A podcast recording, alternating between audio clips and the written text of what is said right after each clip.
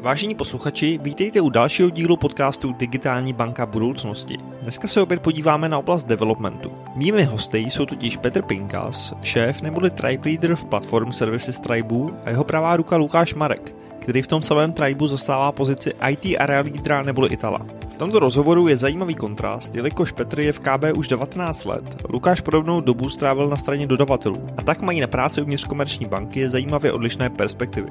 Kromě nich se v tomto dílu dozvíte třeba i, jak funguje vlastně maticová struktura, jaké momentálně oblasti řeší a jak s tím souvisí DevOps a microservices, nebo co má vlastně na starosti takový podpůrný technologický tribe, jako je Platform Services. Pánové, díky moc, že jste přijeli tady mé pozvání podcastu. Já bych si s vámi možná chtěl popovídat o tom, co vlastně v komerční bance děláte, čím se zabýváte, proč tam jste a, a co vám to přijde zajímavý. Možná, aby jsme to úplně začali trošku od podlahy. Vy oba působíte vlastně v Tribu Platform Services. O čem to je, nebo co tam děláte? Na co je ten Tribe zaměřený? Tak my jsme IT Tribe, to Aha. znamená, že poskytujeme technologie, poskytujeme úplně ty základní technologie, to znamená, že děláme vývojové frameworky pro vývojáře, máme velkou skupinu skorů, které se týkají security, to znamená, jsme zodpovědní za veškeré dodávky pro sekuritní část. Máme Digital Workplace, to znamená, že jsme zodpovědní za ten cockpit těch lidí, tak jak mají pracovat, aby byli schopni pracovat efektivně, aby měli ty správné nástroje, aby se s nimi naučili dělat, to znamená, aby měli nějakou digitální kompetenci chápu to správně, že jedna ta část toho je vývoj těch samotných nástrojů a ta druhá část je naučit vůbec ty lidi s tím pracovat? Určitě, protože my jednak my nástroje spravujeme, to znamená, máme nějaký nástroje, které jsou zakoupený, jako je Jira, Confluence a tak dále. Druhá věc je potom jako implementace těch nástrojů ve firmě, to znamená, aby ty nástroje byly správně využívaný, aby ty lidi všichni s, s těma nástroji pracovali pokud možno stejně. To znamená, aby jsme měli stejný tupy, stejný data, s kterými potom nějak řízeně pracujeme. Možná často ta druhá část je nejtěžší v těch velkých firmách není, protože přece jenom jako nakoupit nějaký nástroj je, je nějaký to rozhodnutí, který se na určitý úrovni udělá, ale pak přesvědčit lidi, aby s tím pracovali a pracovali s tím správně a pracovali s tím všichni stejně, musí být možná ta těžší část té práce. To je určitě ta těžší část. Jsme teď implementovali například Microsoft Teams. Ta technická implementace i v tom komplexním prostředí firmy jako je Komerční banka tak jsme to zvládli rychle, nějaký tři měsíce, což na tu velkou organizaci je jako dobrý. Nicméně ta druhá část, to znamená naučit ty lidi správně fungovat, správně s tím pracovat, správně to využívat a využívat to tak, že se k tomu nechová například jako k mailu. To je úplně jako jiná no, druhá věc a to samozřejmě potom zabírá jako další čas. Jak to třeba děláte, tohle? Tady to naučit lidi s tím správně pracovat? Těžko. V podstatě děláme to, že vlastně ty lidi neustále do kolečka edukujeme. My jsme zrovna pro ty Teamsy jsme vybrali nějaký model ambasadorů, kdy jsme pár lidí proškolili předem nebo prostě víc trošičku. A prosíme, aby ty ve všech svých tribech, squadech ty tým si používali hlavně jako oni. A potom si tady ty lidi čas od času stáhneme, necháme si od nich ukázat, jak třeba s těma týmsama pracují, protože přestože je to jakoby jednoduchý komunikační nástroj, tak tam se dá vymyslet spousta věcí, co s tím ty lidi umějí dělat, takže si to jako navzájem mezi sebou ukážou, řeknou si, jejda, tohle je docela dobrý, to je zajímavý, odnesou si to zase zpátky. Plus máme samozřejmě, musíme proto vytvořili jsme nějaký portál, kde jsou prostě nějaký návody, jak to rozjet na iPhoneu, jak to rozjet na Androidu, jak to rozjet v počítači, co dělat, když se prostě něco rozbije, takže jakoby, jak říkal Petr, je to obrovský, no, nebo jakoby ta práce tím rozrolovat to do banky a naučit s tím ty lidi pracovat je fakt jako velká. Mm-hmm. S tím, že předpokládám, že těch nástrojů musí být hrozná spousta v, v organizaci jako komerční banka. Nebo... Já nevím, my jsme si dělali, my jsme si dělali nějaký průzkumy a já bych nerad úplně lhal s těma číslama, ale jak je to, průměrný pracovník na pobočce má někde okolo 250 nástrojů? Nějak, nějaký takovýhle číslo jsem zaslech, ne, nevím, nevím určitě, jestli je pravdivý, takže jo, ten počet těch nástrojů je obrovský, teďka ještě se to vlastně liší, že? Liší se to, jestli teda člověk je pracovník na pobočce, jestli je nějaký, eh, řekněme, netechnický pracovník na centrále, to znamená prostě dělá nějaký analýzy nebo prostě dělá nějaké takovéhle věci. A pak samozřejmě, když je to programátor, vývojář, tak ty nástroje jsou zase úplně jiný, že jo? A s některými těma nástrojema samozřejmě třeba vývojáři jakoby umějí pracovat, když přijdou k nám, tak jakoby znají nějaký jako ideu a, a Jiru a Git a takovéhle věci, to samozřejmě znají, ale něco my tam třeba děláme trošičku jinak, nebo prostě samozřejmě se musí učit to, jak to funguje v komerčce. Já mám pocit, že třeba u toho softwaru takového toho běžného pro spotřebitele je takový trend vlastně co nejvíc těch funkcí postihnout tím jedním nástrojem nebo tím jedním softwarem. Děje se to trošku i u vás, v téhle sféře, že se snažíte ty nástroje jako víc eh, možná propojovat, nebo, nebo aby, aby ty lidi prostě nemuseli používat 250 nástrojů, ale by mohli používat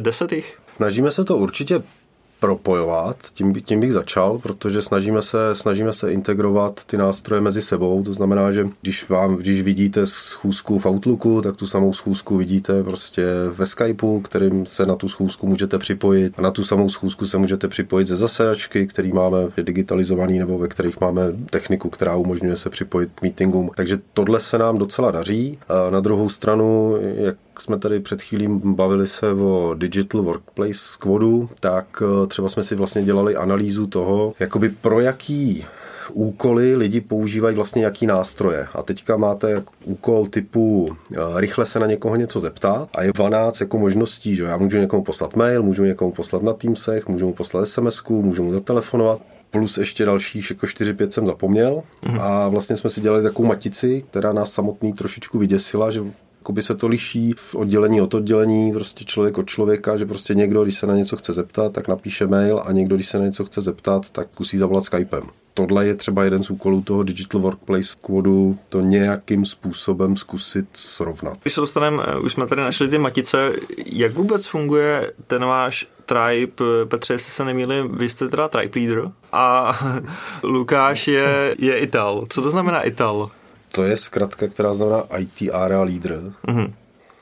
Jaký je třeba ten vztah váš? Je to to tak, že my máme... rádi. je to tak, že každý ten tribe má nějakého člověka, který by měl být zodpovědný za rozvoj těch produktů, který, který jsou v tom tribu. To znamená, je tam product owner, a vlastně ten super product owner je potom jako tribe leader. Samozřejmě je, je to hodně o technologiích, těch bank, banky naší se stává jako hodně jako technologická firma, to znamená, je tam hodně jako IT, protože ten trade leader je z principu věci zodpovědný víc za tu biznisovou část, tak potom je tam ten IT area leader, který mu pomáhá nebo s tou technikálí, s, s těma IT věcmi, to vlastně jako náměstek plus IT. Mm-hmm. Vlastně tady, když, když, se, zav, když se tohle zavádělo, tak tam se používal takový příměr, že ten tribe leader je v podstatě něco jako CEO nebo CEO uh, eh, malé firmy nebo malé firmy. My máme 120 lidí v Tribu, takže středně velké firmy podle toho by se měl chovat, takže to je vlastně jako fakt eh, z jistého úhlu pohledu prostě generální ředitel.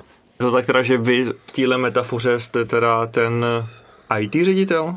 Jo, v téhle metafoře asi jo.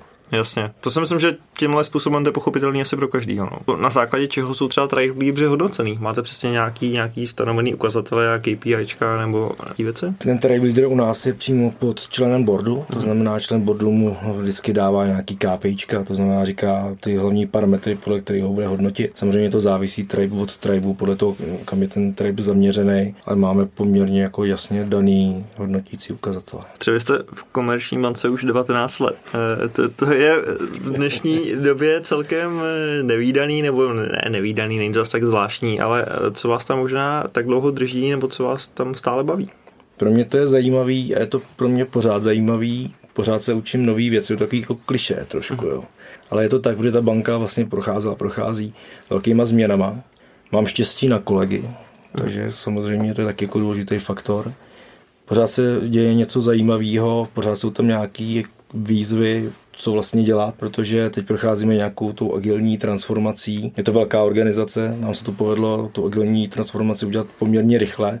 Vlastně k nám jezdí lidi z celého světa, z bank se na to dívat, takže už jenom ten zážitek, že člověk je u takovýhle změny v takhle velké organizaci. Věřím, že za posledních pár let je to jako několikátá změna, že byť je ta organizace velká, se snaží neustále přizpůsobovat těm novým tradeům, protože musí. Protože na druhou stranu jsou tady nějaký fintechy, které taky samozřejmě mají zájem vstupovat do, do, do toho finančního sektoru jsou dynamický a tak dále. To znamená, furt je to nějakým způsobem zajímavý. Jak jsem říkal, mám štěstí na super kolegy, mám štěstí na super šéfy, takže jsem jako, můžu říct, že v zásadě se mi asi nestalo, že by se mi do práce nechtěl.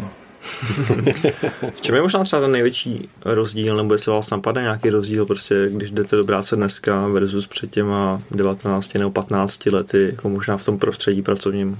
já jsem nastupoval na Václava, teď jezdím na studul. Takže jsme se dostali z centra pryč. Takže jsi polepšil. Ale v zásadě bych řekl, že to je ta rychlost těch změn. Hmm. Dřív to bylo takový, že člověk si mohl být jistý, že ten rok nějak jako proběhne, bylo to nějakým způsobem jako trošku jako nalajnovaný. V dnešní době to je takový, že my se snažíme fungovat v nějakém jako agilním prostředí, zrychlovat ty dodávky, být jako flexibilnější. To znamená, že bych si myslel, že za 14 dní to bude stejný, jako to je dneska, tak do určitý míry ne. Vždycky tam je něco jako novýho. Teď nám nastupuje třeba spousta kolegů ze zahraničí. To znamená, že dřív jsme všechno měli v češtině, teď ta angličtina je jako dost jako základ. Protože některé ty pozice, kterými teď scháníme, tak se vůbec jako třeba v Čechách nedají se na respektive ten okruh lidí, kteří to dělají na takový úrovni, co potřebujeme, je tak malý, že už se koukáme i po tom evropském trhu a mm-hmm. tam prostě ta angličtina jde. Lukáše, v bance nemáte takovou historii dlouhou. Spíš jste byl na možná takový tý druhý dodavatelský straně.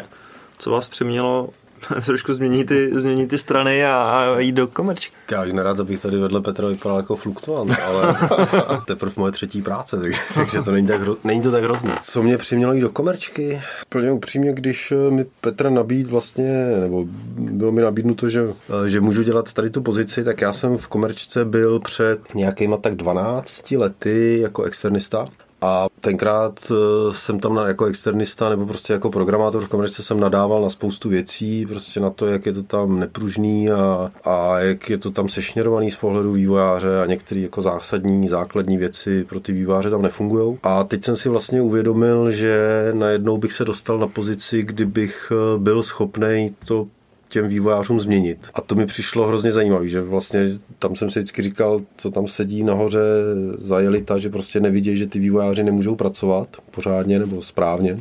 A teďka vlastně jsem teda to jeli to nahoře já a rozhodl jsem se, že, že to zkusím, že se pokusím těm vývojářům tam trošku ulehčit. Dokážeme třeba vypíchnout nějaké konkrétní věci, které třeba za tu dobu, co tam jste se povedli, trošku těm vývojářům ulehčit život? Tak já jsem tam čtyři měsíce s cestou. To znamená, že zatím se o těch věcech bavíme, ale doufám, že se, že se o nich už bavíme opravdu seriózně. V podstatě, a vlastně dělá se, dělá se, děláme teďka velký projekt, který se jmenuje Segnet, to je zkrátka ze segmentace sítě a znamená to, že dokážeme rozdělit, a teďka jako trošku půjdu teda do té technické části, eh, dokážeme rozdělit tu síť v komerčce na různý jakoby podsítě, který budou mít různý zabezpečení. To znamená, že samozřejmě ty podsítě, ve kterých jsou uložený nějaký citlivý data, budou pořád jako super pečlivě zabezpečený, ale ty podsítě, ve kterých třeba právě jsou vývojáři a mají tam jenom nějaký eh, jako vývojový data a vlastně hra. Hrajou si tam nebo tam vyvíjejí, tak tam bychom dokázali díky tomu segnetu uvolnit pravidla hry, umožnit jim třeba si nosit vlastní počítače nebo prostupovat na internet jakoby plně a nebejt prostě sešněrovaný tolik jako ty vývojáři, který jsou vlastně ve, teďka ve stejné síti, jako, jako jsou ty citlivé data. Mm-hmm. Petře, možná to budete mít jako vhled tím, jak jste tam díl stalo se z vašeho pohledu třeba nějaké další věci, které možná ta cesta, jak Lukáš mluvil o tom, že před 12 lety to vlastně bylo trošku, trošku bolest být vývojář v komerční bance, jak dál se to třeba posunulo za tu dobu? Myslím, že se to posunulo dost. On, na druhou stranu je potřeba si furt říct, že ta banka je prostě nějakým způsobem jako regulovaná. Jo, je to prostě citlivý, je to systémová banka. My jsme pod různýma auditama, to znamená, eh, to, ta banka prostě není jako startup. Jo. Na druhou stranu i v tomto prostředí si myslím, že jsme schopní jako těm lidem vyjít tak aby mohli fungovat. To znamená, díky Segnetu, díky jako dalším projektům, co jsme udělali, jsme schopní e, nastavit spoustu věcí, které jim pomůžou, ať už je to jako za možnosti nějakých jako výjimek, z toho standardu, anebo, a to zase je teď jako nějaká diskuze do budoucna, chceme to dělat úplně jakoby bokem, to znamená, nebo je to přímo jako v prostředí komerční banky, ale já se mluvit o nějakých jako, víc jako startupovým prostředí, uh-huh. který je s tou bankou spojený jenom na úrovni nějakého přenosu dat a tam potom se samozřejmě ten vývář může chovat úplně jinak je to plánem vytvářet vyloženě nějaký jako samostatný entity, nebo je to spíš jenom trošku ty lidi jako vyčlenit bokem, aby si mohli vlastně víc hrát a inovovat, možná tolik nesvázaný těma pravidlama? Je to oboje. My Aha. už teď děláme i startupy, to znamená, že se snažíme v tom ekosystému komerční banky nějakým způsobem umožnit vzrůst eh, firmám, které jsou nějakým způsobem obrandovaný a nějakým způsobem jakoby samostatně fungují. Samozřejmě se to má nějaké jakoby pravidla. Možná souvisí to zase s tím, s tím segnetem, hmm. jenom jim dát asi tu, tu možnost více hrát. Když jsem poprvé, jako jsme si vysvětlovali segnet, tak je to takový jako oddělení prostě produkčního a neprodukčního prostředí. A ono to vlastně takhle jednoduchý není. Jsou to jakoby vrstvy, je to něco jako cibule. Jo? To znamená, hmm. že ten vývojář, který je v tom jádru té cibule a dělá prostě nějaký změny na uh, tom systému, ve kterém jsou uložený ty opravdické transakce, které se reportují do té České národní banky, ten má jako z tohohle úhlu pohledu fakt jako smůlu, jo? protože ten bude sešněrovaný těma regulema vždycky a pořád a je to dobře. Ale co se snažíme, je, že ty vývojáři, kteří jsou eh, v té cibuli jakoby na kraji a dělají nějaký systémy, nevím, dělají třeba mobilní banku, jo, nebo dělají prostě systémy, které třeba nesouvisejí vůbec s penězma, protože ta mm. banka má samozřejmě jako mraky různých, já nevím, že jo, my máme systém třeba, kde si vyberete design platební karty, to jakoby vlastně není až jako z pohledu třeba č, nebo jako vůbec citlivá záležitost. Tak aby tady ty vývojáři měli mnohem teda větší volnost, protože můžou. Jaký třeba další věci se chystají právě v souvislosti tady s tou mobilní bankou a vůbec s tou novou digitální bankou, jak, jak vy o tom mluvíte, že se vlastně ta, ta banka mění? My asi nemůžeme mluvit eh, úplně za mobilní banku, protože my jsme jakoby trošku jiná parta. Aha. Eh, my s nimi jenom spolupracujeme relativně úzce. Tam asi bych vypíchnul bych KB klíč, protože, to nevím, jestli znáte, víte, KB klíč je prostě jakoby digitální klíč pro připojení do banky. Takže já, když se přihlašu na www.mojbanka.cz, tak se ověřím KB klíčem, který mám v mobilu. Mhm. Tady můžu říct, že je to hrozně jednoduchý. Děláme to my, takže proto je to super a jednoduchý. Tady určitě chystáme velký věc. Mám, že bude brzo uzákonit něco, čemu se říká Bank ID, kdy vlastně ty klíče by si mezi sebou jednotlivé banky mohly uznávat. To znamená, že vlastně KB klíčem byste se mohl připojit do české spořitelny, by bylo super.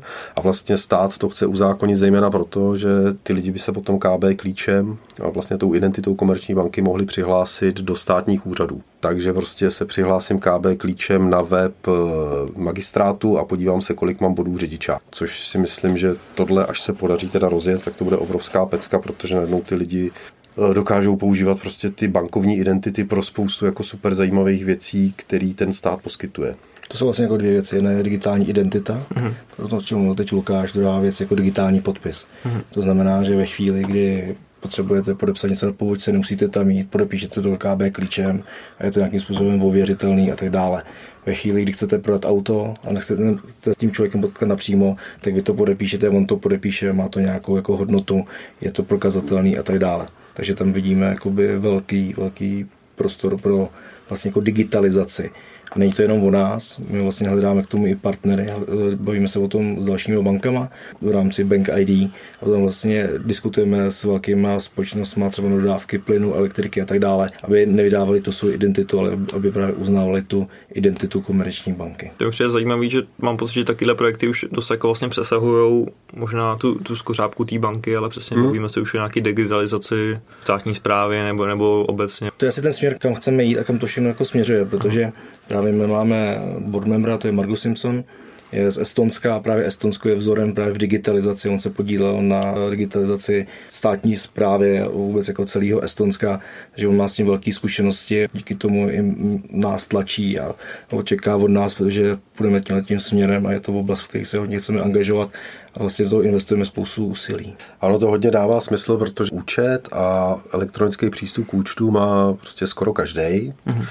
A naopak firmy jako třeba VZP vlastně mají velký problém zjistit, když chtějí dát elektronický přístup ke zdravotní dokumentaci, tak oni mají velký problém zajistit to ověření. Takže buď to si posíláte nějaký doporučený dopisy a tam, tam jsou nějaký hesla, ale kdyby vlastně mohli využít to ověření té komerčky, kdy ta komerčka řekne, ano, já ověřuju, že tenhle člověk, co se teďka tady dobouchává přes ten internet, se fakt jmenuje Lukáš Marek a jeho rodný číslo je takovýhle, tak eh, tady ty firmy jak to velice rádi slyší a docela potom do řešení by rádi šáhli, protože jim to usnadní nebo prostě vyřeším to spoustu problémů. Mm-hmm.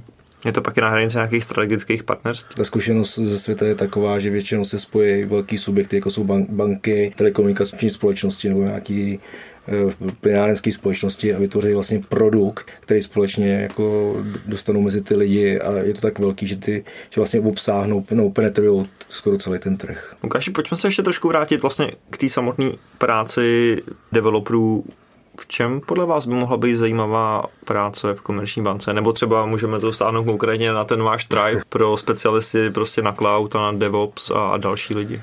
Já musím říct, že když já jsem odešel z komerční banky, tak prostě některý, když jsem tam byl jako externista, po některých věcech se mi nestýskalo, ale určitě se mi stýskalo po tom, že to byla práce, která měla tak jako reálný dosah na spoustu opravdických lidí. To znamená, že tenkrát, eh, že tenkrát to ještě nebylo tak, tak akutní jako dneska, že dneska, když internetový bankovnictví chvíli neběží, tak je to opravdu velký problém, ale stejně ten tlak je tam jako enormní. Tam něco v neděli odpoledne vlastně se snažíte do, vyladit nějakou chybu nebo něco takového a víte, že v pondělí v 8 ráno přijde prostě několik stovek tisíc lidí do práce a budou si chtít zkontrolovat stav účtu a dokud vy tu chybu neopravíte, tak se jim to prostě nepovede tak to jsou takový, eh, to jsou takový zajímavý chvíle, které mě teda v té bance vždycky bavily. A bavilo mě to, že fakt jakoby eh, stavíte systémy, které jsou reálně používané jako velkou masou lidí. Vlastně málo kde České republice si člověk šáhne na takovýhle počty uživatelů. Teď se to možná jako trošičku změnilo s mobilními aplikacemi, kdy i třeba nějaké jako mobilní hry můžou mít jako podobný nebo větší počty uživatelů, ale pořád jako já nevím, 5 milionů klientů, prostě milion klientů internetového bankovnictví a to, že člověk prosadí nějakou věc, která tady tomu milionu uživatelů internetového bankovnictví prostě ulehčí život nebo je to nějaká super funkce, která se jim líbí, tak to, tohle tam je furt ta věc, která mě hrozně baví. A tam je ještě jako jednu věc. Jo. Já si myslím, že jsou firmy, které dokážou toho člověka jako parádně vytěžit. Když ho vytěžej a už ze nic jako nedostanou, tak už potom jako, je moc jako nezajímá. Já si myslím, že u nás to je tak, že my ty lidi jako nejenom vytěžíme, to, to jako rozhodně, ale zároveň jim dáváme i prostor pro nějaký jako růst a hodně s nimi jako pracujeme. To znamená, my máme jako seniorní lidi, ale zároveň jako bereme i juniorní lidi, kteří se chtějí učit a chtějí se něco naučit s náma na těch produktech a na tom vývoji, chtějí jakoby vyrůst a stát se ještě seniornějšíma. Vždycky říkáme, že je lepší jako jeden, který chce, než jako dva, který jako nechtějí, ale třeba jako umějí. Když předpokládám, že ve vaší velikosti je docela těžký tam jako mít jenom samý takovýhle ty lidi, lidi, co chtějí a umějí. No to záleží, protože teď s tím agilním způsobem my máme ty týmy poměrně dynamický Aha. a ten tribe, co máme, my taky nás asi 120, hmm. 130, ale máme vlastně jako 9 skvodů, to znamená, že tam vychází nějakých třeba 15 lidí do jednoho toho skodu a v těch 15 lidech je nějaký jako product owner, tam nějaký jako architekt, jsou tam nějaký analytici, jsou tam nějaký vývojáři a právě díky tomu způsobu řízení a těm pravidelným stand-upům, a to má nějaký takový ty náležitosti, co se musí uh-huh. plnit, tak ono tam na ty lidi je poměrně slušně vidět. A ve chvíli, kdy ten člověk jako neperformuje a nejde mu to, tak on to je vidět, protože on potom v už v těch 15 lidech a ty skupiny, které jsou i menší, hrozně jako když nedodává, tak on vlastně ovlivňuje i ty ostatní, že potom nedodává ten squat. Když nedodává ten squat, tak on nedodává ten tribe. To je velice jako rychle, pěkně vidět. A zase jsou nějaký mechanismy, které máme, se snažíme těm lidem jako pomáhat. Vy opravdu jsme zjistili, proč třeba nejsou schopní dodávat a co můžeme udělat pro to, aby dodávat byli schopní. Mm-hmm. To je zajímavý. Mě na tom přijde zajímavý, jak byste přesně říkal, že se fručíte něco nového, což eh, mám pocit, že spoustu lidí si dneska, zvlášť mladých, myslí, že prostě přijde do té firmy a za dva, za tři roky vlastně dosáhne nějakého to svého svého vrcholu a už tam dělá jenom věci, co se opakujou. Tak takovýhle vývojáře mi nechcem. že vývojář, já si myslím, že speciálně v těch technologiích, jo, to jde tak rychle dopředu, že vlastně ten vývojář, nebo obecně ten člověk v tom digitálu, v IT, nemá šanci se neučit. Tam ve chvíli, kdy se někdo neučí, tak za chvíli jako není. Tohle jako bejvávalo a ano, možná ty banky před deseti lety tím byly prostě známý, nebo bylo jako se to o nich říkalo, ale tohle fakt je, přesně, tohle fakt je blbost. Eh, jedna z těch věcí, ještě teda úplně odbočím, ale jedna z těch věcí, které my teďka děláme, je nějaká platforma, která se jmenuje Speed a to jsou prostě tě cloudové technologie, kterými si běháme u nás eh, v serverovně, takže prostě všechny takové ty sexy slova, jako Kubernety, Dokry a takovýhle záležitosti, to my tam prostě děláme a musíme dělat, protože prostě jinak už bychom ty systémy jako by nedokázali tak rychle vyvíjet, jak potřebujeme. Takže v podstatě, eh, v podstatě lidi, kteří přijdou z trhu, nebo my, když to prostě někde ukazujeme, tu naší platformu, tak tam docela lidi koukají, říkají, se vůbec netušil, že v bance vlastně něco takového vůbec používáte, protože jsem si myslel, že to je doména prostě těch internetových startupů. A jo, a používáme, musíme. A ještě tam máme spoustu dalšího know-how, protože samozřejmě zase na druhou stranu jsme to museli na ten Kubernet nebo prostě ty cloudové služby jsme museli narvat do toho zregulovaného prostředí, takže tam si myslím, že jako máme velký náskok před spoustou dalších firm, který to třeba používají taky. Na závěr by mě možná ještě zajímalo, jak třeba pomáháte těm lidem právě růst a aby se furt vzdělávali. Musíte, předpokládám, i na to mít nějaký systémy, nějaký mechanismy, jak těm nadějným lidem, kteří k vám třeba přijdou, mají ten potenciál, jak z nich, jak z nich vytěžit maximum a, a pomoci jim, aby rostly. No to není jako nic jako světoborného, je Aha. to o tom, že vždycky ten juniornější má sobě nějaký seniornější kolegy, jsou tam nějaký školení. Si myslím, že je důležitý, a to je vlastně jako zase výhoda té banky, že je jako velká. Že je velká, je, může si dovolit spoustu věcí, které si třeba menší firmy dovolit nemůžou. To znamená, máme tam super technologie, máme přístup k těm nejlepším technologiím, k těm nejlepším jako externím dodavatelům, konzultačním firmám a tak dále. To znamená, my jsme tribe, který je jako technický. Když to špatně budeme dělat my, tu naši práci, tak pak špatně potom budou fungovat i ty ostatní triby. To znamená třeba konkrétně u nás jako velký tlak na ty lidi, aby to dělali dobře. A řekl bych, že v tom našem prostředí máme jedny jako z nejlepších lidí. A ve chvíli, když se jako mladý člověk dostanu mezi ty nejlepší, tak si zajedu nějaký standard a jsem, naučím se odvádět tu práci v nějaký jako úrovni. Prostě jako nešulím to a nějak tak to funguje. No. Super. Panové, já moc díky za rozhovor. Já si Děkuji. myslím, že jsme probrali spoustu zajímavých věcí a minimálně jak já, tak asi posluchači mají trošku lepší představu, jak to u vás vypadá a, a co se očekává od lidí. Tak taky děkujeme. Díky za pozvání. Tohle byl rozhovor s Petrem Pingasem a Lukášem Markem. Děkujeme, že jste doposlouchali až do konce a pokud chcete slyšet i další díly podcastu Digitální banka budoucnosti, přihlašte se k odběru tohoto podcastu tam, kde podcast nejčastěji posloucháte. Já jsem Dan Držil a budu se na vás těšit zase u dalšího dílu.